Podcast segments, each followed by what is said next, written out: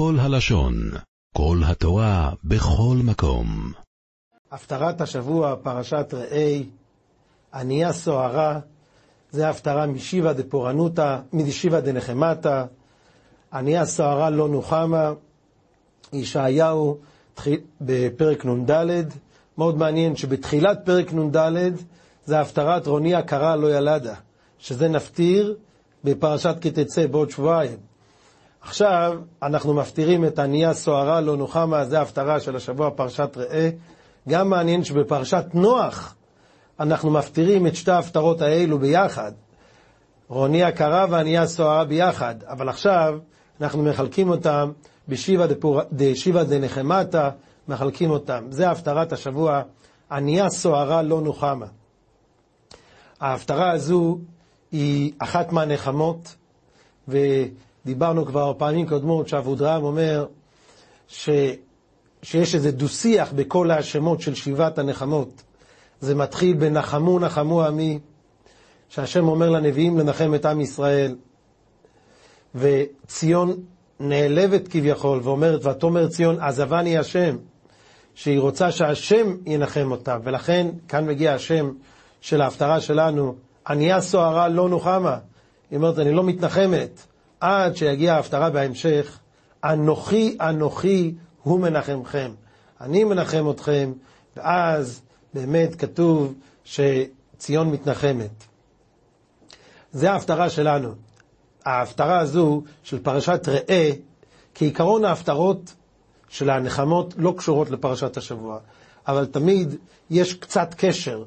יש קשר בפרשת ראה, פרשת השבוע שלנו, כתוב על בית המקדש בירושלים, כתוב בפרק י"ב, פסוק ה', והיה המקום אשר יבחר השם אלוקיכם בו, לשכן שמו שם. שמה תביאו את כל אשר אנוכי מצווה אתכם. כך כתוב, כך כתוב אחרי כמה פסוקים עוד פעם, כי אם לא תוכל לסבר, כי אם במקום אשר יבחר השם באחת שבטיך, שם תעלה עולותיך. זאת אומרת, כתוב שהמקום שאשר יבחר השם אלוקיכם מכל שבטיכם לשום שמו שם, שזה ירושלים, זה, שם זה המקום של, ה, של הקרבת הקורבנות, שם זה המקום שעולים ל, ל, לאכול את מעשר השני. אז זה מתאים להפטרה ענייה סוהרה, שזה ירושלים, שעליה דיברנו בפרשת השבוע, שהיא המקום בו בחר השם מכל שבטיכם לשום שמו שם, היא ירושלים, ענייה סוהרה לא נוחמה. היא לא מתנחמת. ענייה סוהרה מלשון, כך כתוב, אה, אה, ענייה, כתוב בפסיקתא דרב כהנא, זה מדרש, ענייה מן הצדיקים, כל הצדיקים עזבו אותה. ענייה מן התורה, כל התורה, אז, אז בזמן הגלות, התורה גלתה לבבל, גלתה למקומות אחרים. ענייה סוערה, מה זה סוערה? מעורערת. ערערו אומות העולם. ענייה סוערה, סוערת, מעורערת. כך כתוב במדרש. בתרגום מתרגם, ענייה סוערה, קרתא דאמרינא נלה עממיה לא, לא תתנחם. עיר שהגויים אומרים עליה שהיא לא תתנחם. זה עיר עם עבר ובלי עתיד. ככה הם אומרים. אבל הנביא מבטיח, אותה עיר, ענייה סוערה, ענייה מן הצדיקים, ענייה מן התורה, אומרים עליה שהיא לא, לא, תנוח, לא תנוחם. עכשיו מגיעה הנבואה האמיתית, ועכשיו אנחנו נקרא, הנביא מבטיח שפע גשמי עצום. זה, זה, זה גם ממשיך, המשך של ההפטרה של פרשת, של פרשת עקב, ותאמר ציון עזבני השם, ולכן היא ענייה סוערה לא נוחמה, היא לא מתנחמת. ולמרות שבהפטרת עקב השם מבטיח לה, כי ניחם השם ציון, ניחם כל חורבותיה, אבל עדיין היא לא מתנחמת. ואז מגיעה ההפטרה שלנו, שאומר, זה לא רק נחמה שיחזור המצב לקדמותו, אלא יהיה הרבה הרבה יותר בגשמיות, ובעיקר, וזה עיקר ההפטרה ברוחניות. הגשמיות שהנביא מתאר פה, גשמיות עצומה, פשוט בלתי ניתנת לתפיסה. ושמתי כדחוד שמשותייך, ושערייך לאבני אקדח, וכל גבולך לאבני חפץ. שמשותייך, יש פירוש שזה הולך על החומות, כל החומות יהיו ממרגליות, או יש פירוש שזה הולך על החלונות, שמשותייך, מה שמעביר את קרני השמש. זה יהיה מיהלומים, פשוט עושר בלתי ניתן לתפיסה. בזה נבין שלא רק מה שקראנו בפרשה קודמת, כי ניחם השם ציון, ניחם כל חורבותיה, חוזרים למצב הקודם, אלא הרבה יותר. כי כמו שנראה עוד מעט, הרוחניות תהיה הרבה יותר, וכשהרוחניות יותר, אז הגשמיות הרבה יותר. ככה זה תמיד. הרוחניות היא הבסיס, וכשיש רוחניות חזקה, אז הגשמיות גודלת. אז זה, זה הנחמה שציון מבינה, זה לא, זה לא רק חוזרים למצב הקודם, אלא כל הגלות הזאת היא מבוא לזה שנעלה במדרגה ונבין שכל הגלות הזה הייתה, כל הגלות הזו הייתה להעלות אותנו, זה דיברנו בפרשת נחמו, שזה נחמו נחמו עמי, זה שתי הנחמות.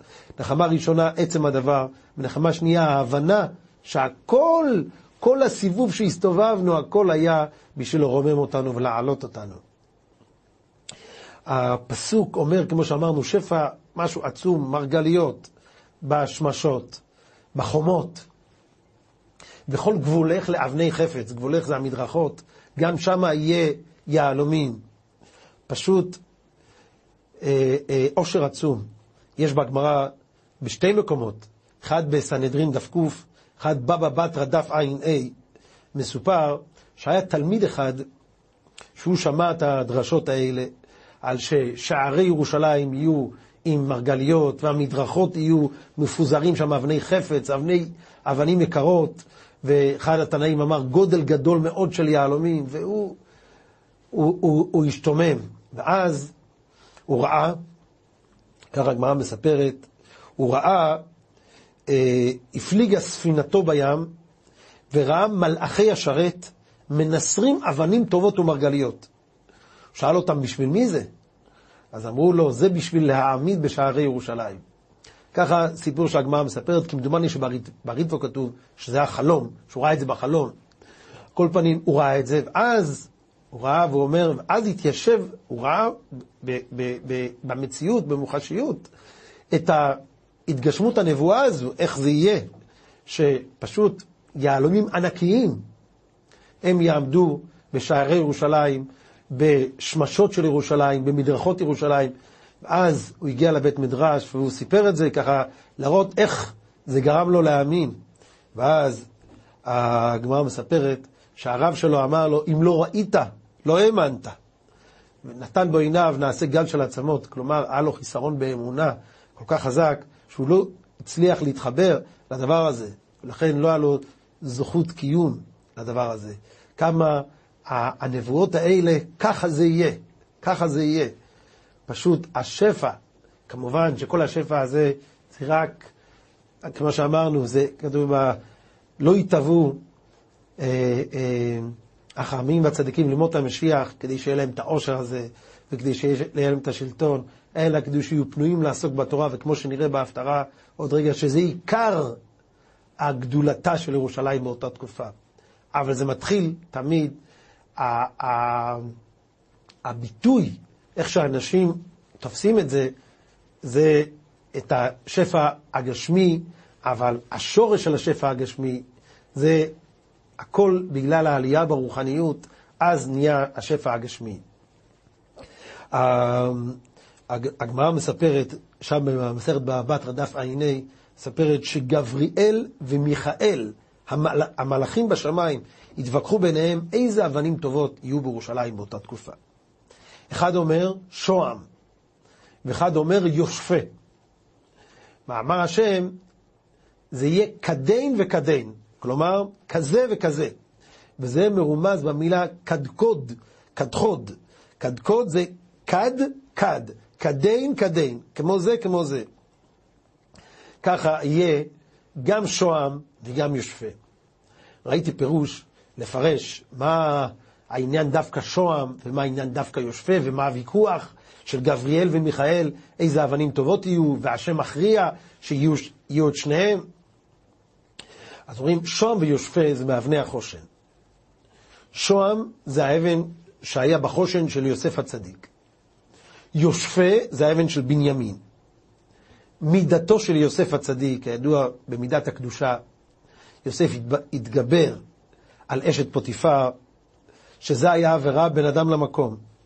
כמו שיוסף הצדיק אומר, איך אעשה הרעה הזאת וחטאתי לאלוקים. זה עברה בין אדם למקום. זה יוסף הצדיק, מידת הקדושה. בנימין, האבן שלו, בחושן נקראת יושפה.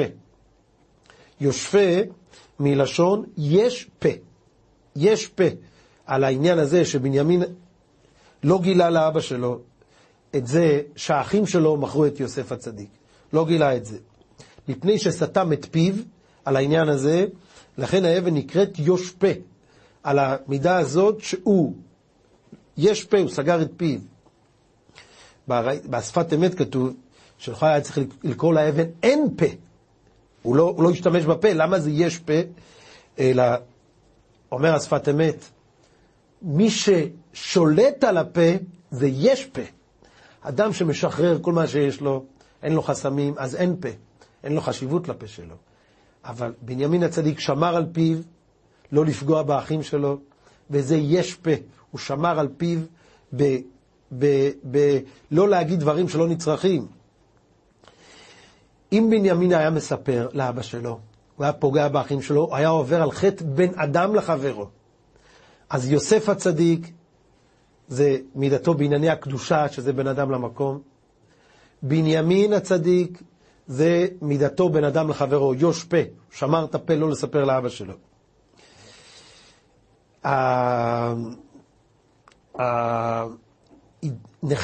הוויכוח בין גבריאל ומיכאל, המלאכים הצדיקים, המלאכים, היה איז, בזכות איזה מידה תבוא הגאולה. האם בזכות הבן אדם למקום, שזה מידתו של יוסף הצדיק, שמירת הקדושה, הניסית של יוסף הצדיק, שבזכות שהוא שמר את השמירה של הקדושה שלו אז, עד היום, כל מי שמתחזק בקדושה, זה בזכות יוסף הצדיק. האם בזכות שמירת הקדושה, או בזכות בין אדם לחברו, שזה היה אצל בנימין, שלא אמר לשון הרע לאחים שלו. יש פה, סגר את הפה. זה היה הוויכוח בין גבריאל ומיכאל. ידוע שגבריאל זה מידת הגבורה, ומיכאל זה חסד, וזה מתאים. גבריאל זה גבורה. זה גם בשם, גבריאל זה גבורה. כל אחד סבר שהעיקר זה כמו המידה שלו. גבריאל חשב שזה יבוא ממידתו של יוסף הצדיק, הצדיק זה הגבורה, להתגבר בענייני הקדושה, ומיכאל חשב שזה יבוא בזכות יושפה, שזה חסד בין אדם לחברו, מה שהיה אצל בנימין, יש פה, שמר את הפה. והקדוש ברוך הוא הכריע, כד קוד שמשותייך, כדין וכדין, גם בזכות מידת הגבורה, השמירת הקדושה של יוסף הצדיק, גם בזכות בין אדם לחברו, שזה המידה שהיה אצל בנימין, יש פה, האבן שוהם והאבן יושפה, שני האבנים יהיו ירושלים, זה מסמל שבזכות שני הדברים האלה תבוא הגאולה. שעם ישראל יצטיין גם בענייני הקדושה וגם בענייני בין אדם לחברו. כמו שיודעים, לא חרבה ירושלים אלא בשנאת חינם, שזה עניינים של בין אדם לחברו. וגם בעניינים של קדושה, גם כתוב בספרים, שבדור האחרון זה מאוד התחזק העניין הזה, זה הכוח של הסטרא אחא, ובזכות שני הדברים האלה, אז קדקוד שמשותייך, בזכות הכדין וכדין, גבריאל ומיכאל, בזכות שתי המידות האלה תבוא הגאולה. מעין זה, זה, זה יש בספר לוי אמר, מעין זה יש במהרשו, המהרשו אומר שגם, הוא גם לוקח את העניין הזה ששוהם ויושפה זה האבנים של יוסף, של יוסף ובנימין, והוא אומר, זה בא להגיד את הכוונה שתחילת אור ישראל יהיה על ידי משיח בן יוסף. אחר כך, וגם יהיה אחר כך את אורה של ירושלים, שהיא יושפה, שהייתה בשבט בנימין. המלבים גם לוקח את, את הרעיון הזה והוא מרחיב את זה עוד בהרחבה גדולה. זה תחילת ההפטרה. ואמרנו שזה מסמל את העושר, את השפע הגשמי העצום שיהיה לעתיד לבוא בזמן הגאולה, אבל זה רק התוצאה, כל השפע הזה. מה הסיבה? וזה עיקר ההפטרה. וכל בנייך לימודי השם, ורב שלום בנייך. כל בנייך לימודי השם. ידוע מה שכתוב בגמרא במסכת בבא דף כ"א, כי מציון תצא תורה ודבר השם מירושלים. התורה, השפע של התורה יוצאת מציון, מירושלים, מארץ ישראל. בזמן הגאולה, הלימוד והחוכמה של השפע של התורה יהיה כזה גדול, שכולם, וכל בנייך לימודי השם, כולם יזכו להיות בדרגה של תלמידי חכמים. כל בנייך לימודי השם. וכיוון שיזכו ללמוד, במפרשים כתוב גם לימודי השם, שהם יזכו, תמיד השם מלמד אותנו, כמו שאנחנו מברכים כל בוקר, ברוך אתה השם, המלמד תורה לעמו ישראל.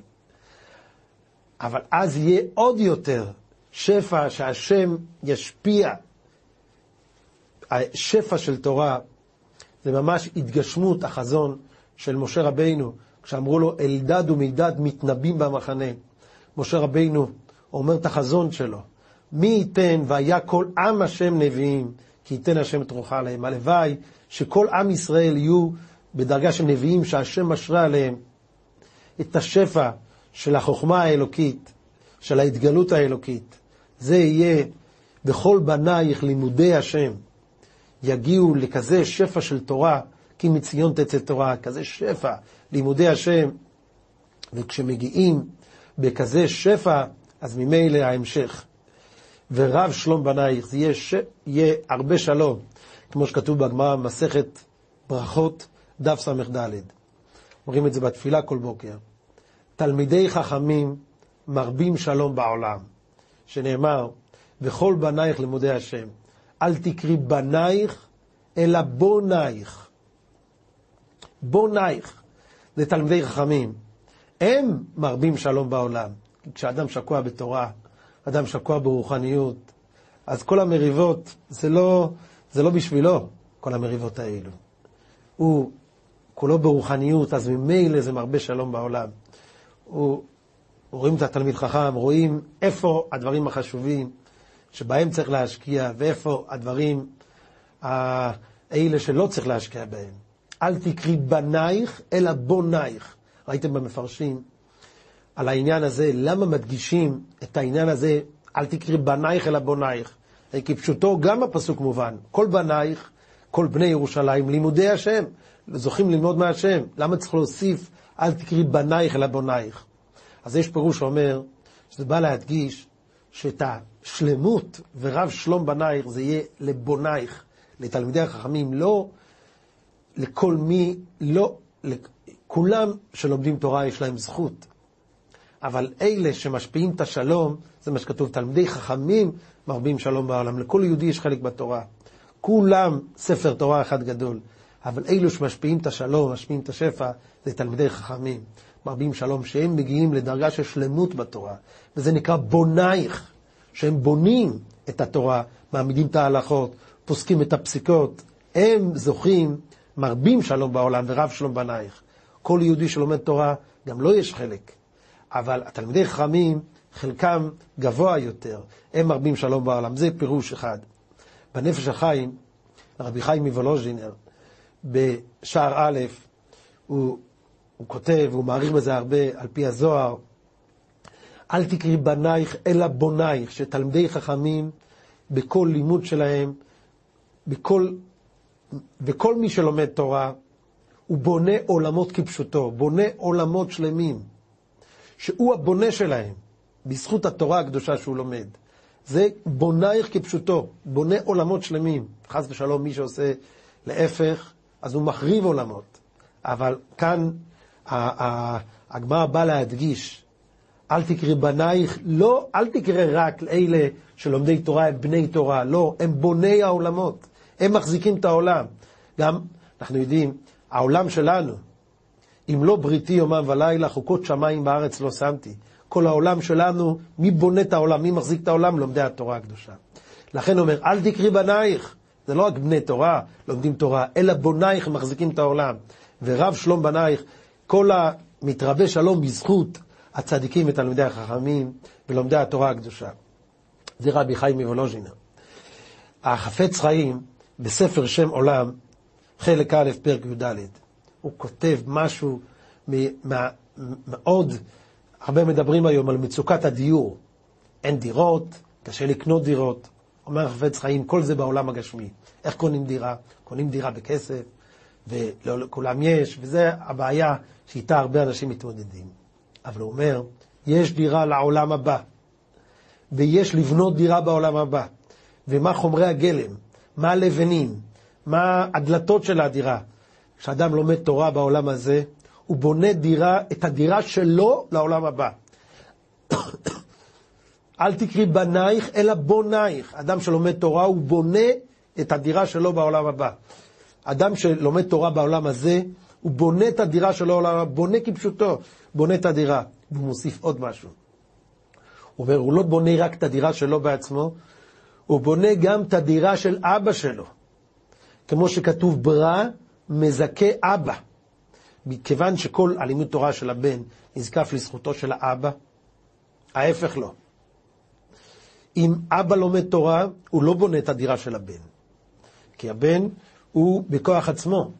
אבל הפוך כן, אם הבן לומד תורה, הוא בונה את הדירה של אבא שלו. כך כותב החפץ חיים. ו, ו, ואני אקריא שורה אחת, שעל ידי אור תורתם נבנה פלטרין של מעלה עבור נפשם, ונקרא על שמם, ודירה זו אינו יכול להשיגו מאחר בשאלה ובמתנה. אי אפשר לקחת דירה בהשאלה, דירה, בעולם הבא, אי אפשר לקחת דירה בהשאלה. אי אפשר לקבל דירה במתנה, אלא על ידי מעשיו. ואפילו אב אינו יכול לתת לבנו. אבא למד תורה, אומר, אני רוצה לתת דירה אחת בעולם הבא לבן שלי, אי אפשר. אלא הפוך. כידוע מאמר חז"ל, ברא מזכה אבא. הבן, שהוא בא על ידו לתורה ולמצוות, הוא יכול, ל, ל, ל, כשהוא לומד, הוא, כאילו בונה דירה, הוא מרחיב את הדירה של אבא שלו, הוא משמח את אבא שלו. אבל הפוך לא, כמו שכתוב, נפש עמל עמלה לו, אומר הרב עץ חיים, זה הפירוש. אל תקרי בנייך, אלא בונייך. אדם שלומד תורה, הוא בונה את העולם, את הדירה שלו לעולם הבא, ששם צדיקים יושבים ונהנים מזיו השכינה. זה שלוש פירושים שאמרנו, למה מדגישים? אל תקרי בנייך אלא בונייך. א', פירוש ראשון, להדגיש את מעלתם של תלמידי חכמים מרבים שלום בעולם, שהם מגיעים לשלמות בתורה, הם בוני התורה, הם זוכים להרבות שלום בעולם, שלום זה שלמות, זה, זה שלום כפשוטו.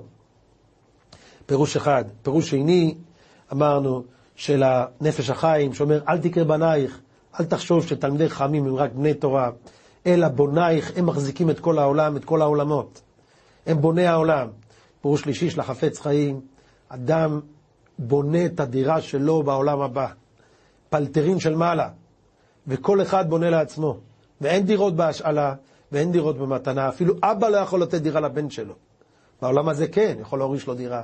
בעולם הבא זה לא עובד. נפש עמל, עמלה לא. כל אחד עמל בשביל עצמו, אבל הפוך כן.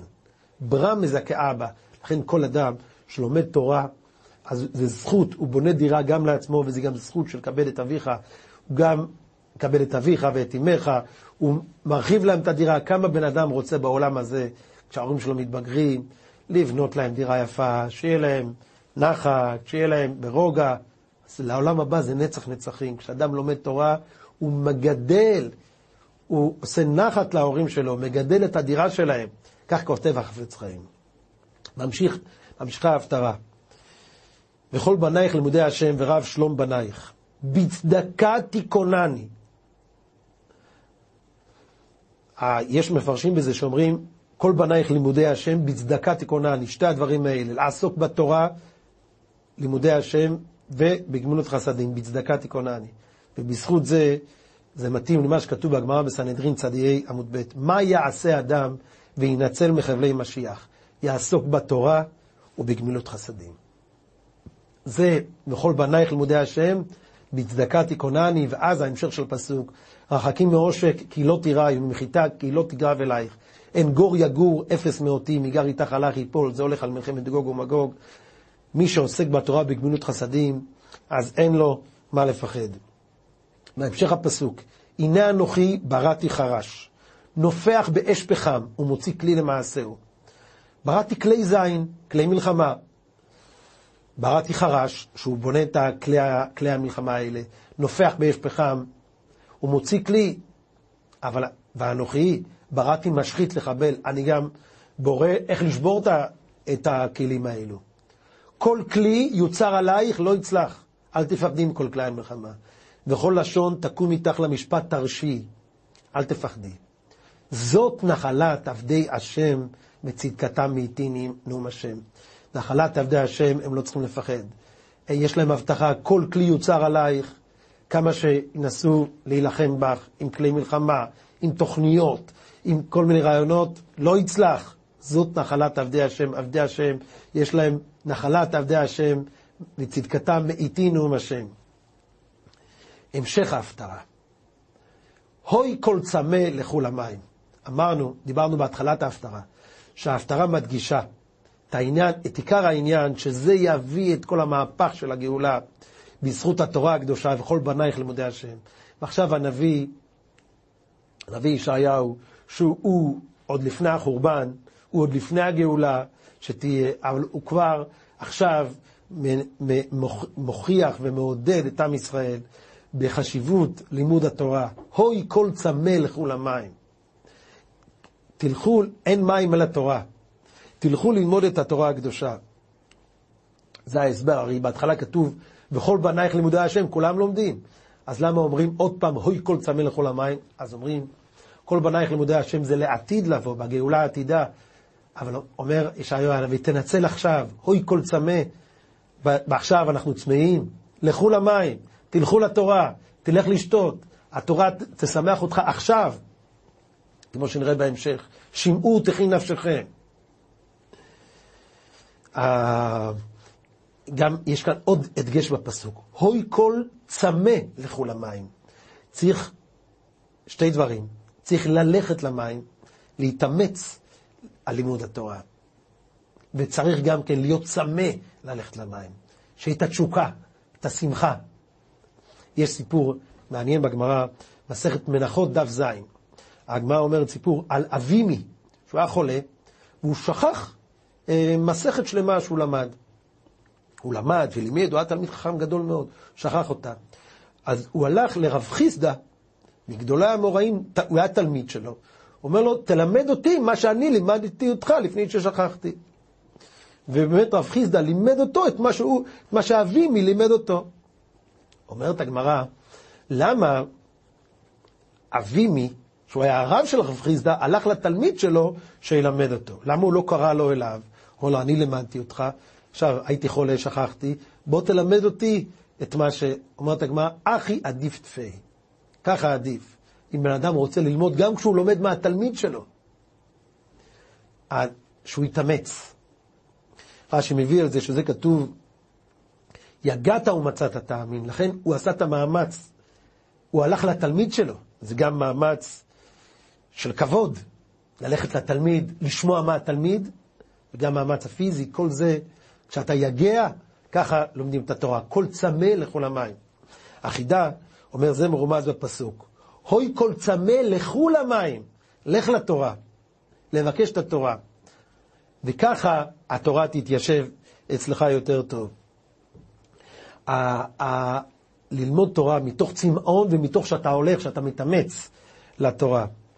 והנביא ממשיך, לכו שברו ואכולו, ולכו שברו בלא כסף ובלא מחיר יין וחלב.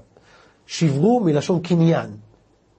כמו שכתוב אצל יוסף, אצל אחי יוסף, שברו לנו אוכל. שברו זה לקנות.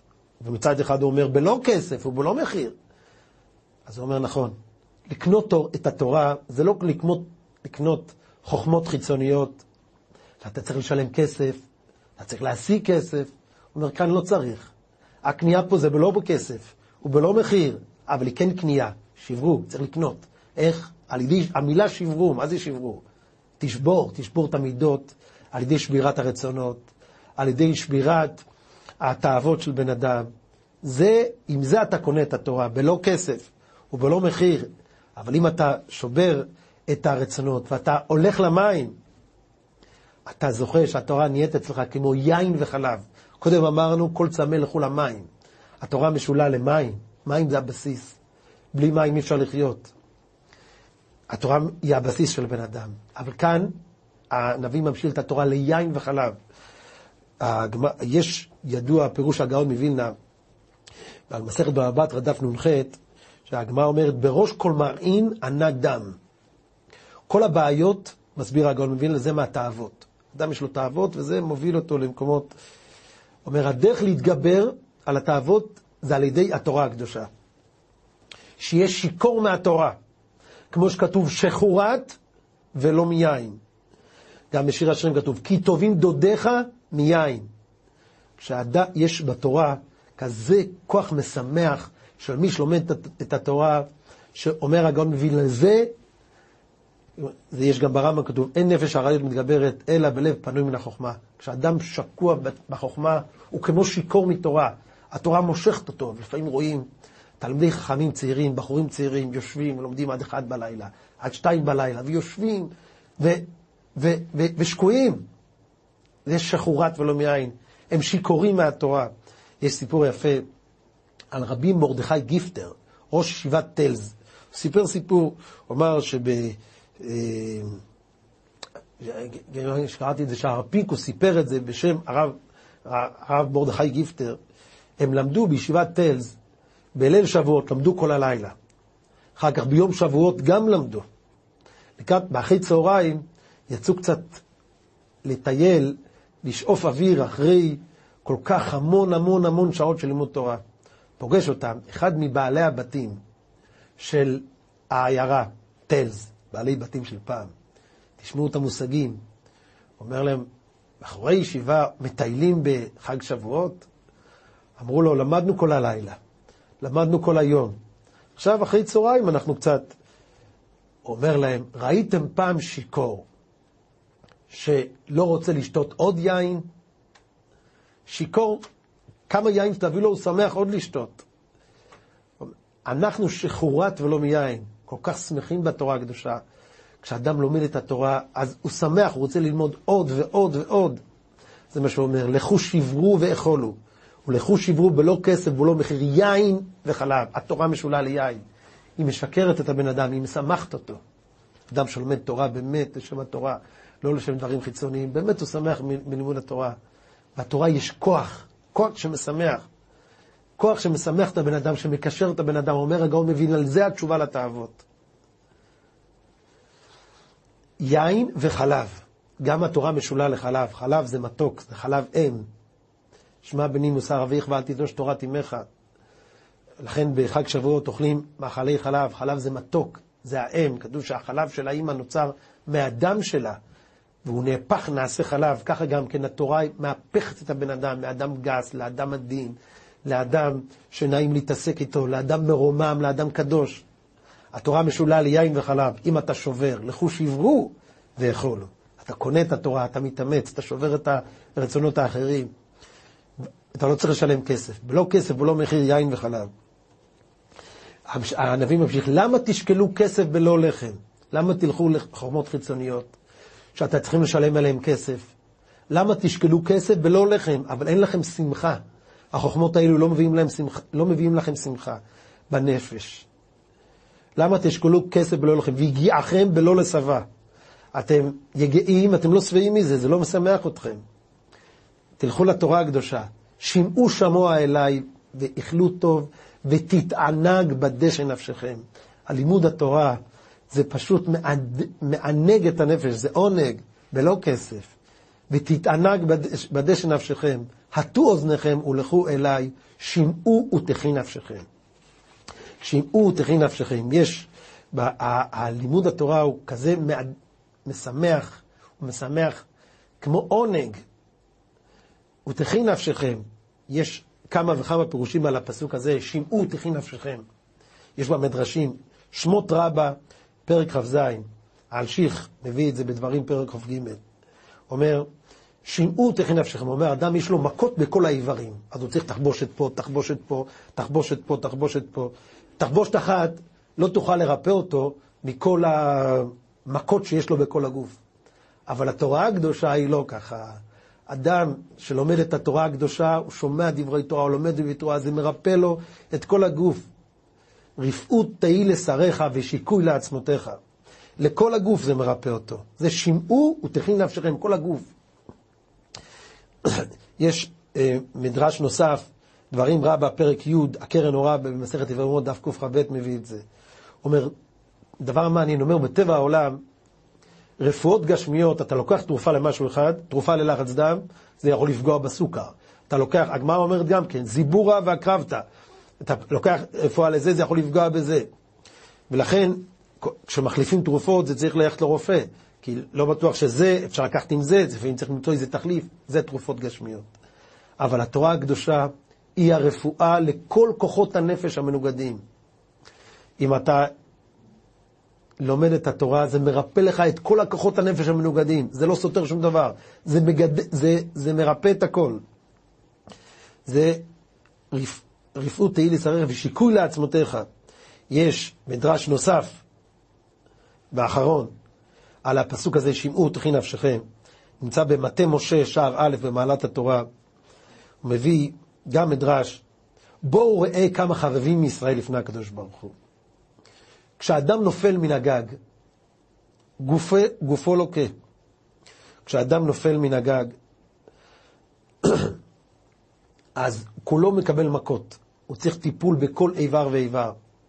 טיפול יחידני. אבל התורה הקדושה, היא, יש, יש רמ"ח איברים באדם. אתה, במקום לטפל בכל איבר ואיבר, יש אוזן אחת בזה אתה שומע את הדברי תורה, וזה מרפא לך ריפוי את כל שמעו תכי נפשכם. ככה המדרשים מספרים את קדושתה של התורה, שהזכות הזאת ללמוד תורה, וכמו שהסברנו קודם, תחילת ההפטרה זה מדבר על העתיד לבוא. החצי השני, הוא אומר, גם עכשיו, עוד לפני הדרגה העצומה הזאת, וכל בנייך לימודי השם, ורב שלום בנייך החוכמה והשפע, עכשיו, שאנחנו עד, עדיין בגלות, הוי כל צמא לכו למים, תדעו, שמה יהיה לכם מים, שמה תרבו את צמאונכם כמו יין, כמו חלב, שמעו תכי נפשכם. כמו שכתוב, אשריך בעולם הזה, וטוב לך לעולם הבא. גם בעולם הזה אתה מאושר, מי שלומד תורה. רק נסיים בוורט אחרון על הפסוק, לכבוד בין הזמנים, שזה תמיד אומרים את ה... אה, פסוק, את ההפטרה הזו באמצע ימי בין הזמנים, וכל בנייך לימודי השם ורב שלום בנייך. ידוע שבימי בין הזמנים גדולי ישראל אומרים שימי בין הזמנים זה זמן מסוכן, יש לפעמים אסונות בימי בין הזמנים. למה? כי אין את השמירה של התורה. וזה מרומז בפסוק פה. וכל בנייך לימודי השם, שכולם לומדים, שכולם נמצאים בישיבות, זה התורה, היא השמירה של עם ישראל, ורב שלום בנייך. זה, זה שומר שכולם יהיו בשלום, ולא יהיו חס ושלום אסונות. אבל כשאין מספיק חיזוק בתורה, אז חס ושלום, חס ושלום זה זמן מסוכן. לכן צריך נורא להיזהר. וגם, ובעיקר, לשמור את התורה ו- וללמוד את התורה, וזה מגן. יש גם, מעין העניין הזה, יש מזמור יושב בסתר עליון, בתהילים צדי א', זה נקרא שיר של פגעים. לכן יש, נוהגים, לומר, נוהגים לומר אותו בלוויות, זה שיר של פגעים. שם כתוב, כי מלאכיו יצווה לך לשמורך בכל דרכיך. השם מצווה למלאכים לשמור עלינו. על כפיים יישאונך, פן תגוף פה אבן רגליך. על שחל ופתן תדרוך, תרמוס כפיר ותנין. שמירה. לא ייגע בך הכפירים, התנינים, הנחשים, יהיה לך שמירה. מלאכיו יצווה לך. אבל יש לזה תנאי. מה התנאי? כי וי חשק ואפלתהו, אסגבהו כי ידע שמי. מי שיודע את שם השם שזה ללמוד את התורה, אז הוא זוכה לשמירה. יהי רצון שנזכה תמיד לשמירה של התורה הקדושה, תמיד ובפרט בימים אלה, נזכה ללמוד את התורה הקדושה תמיד מתוך שמחה. השתוקקות וצמאון, הוי כל צמא לכל המים, ונזכה שיתקיים בנו שמעו ותחי נפשכם בעזרת השם, אמן ואמן.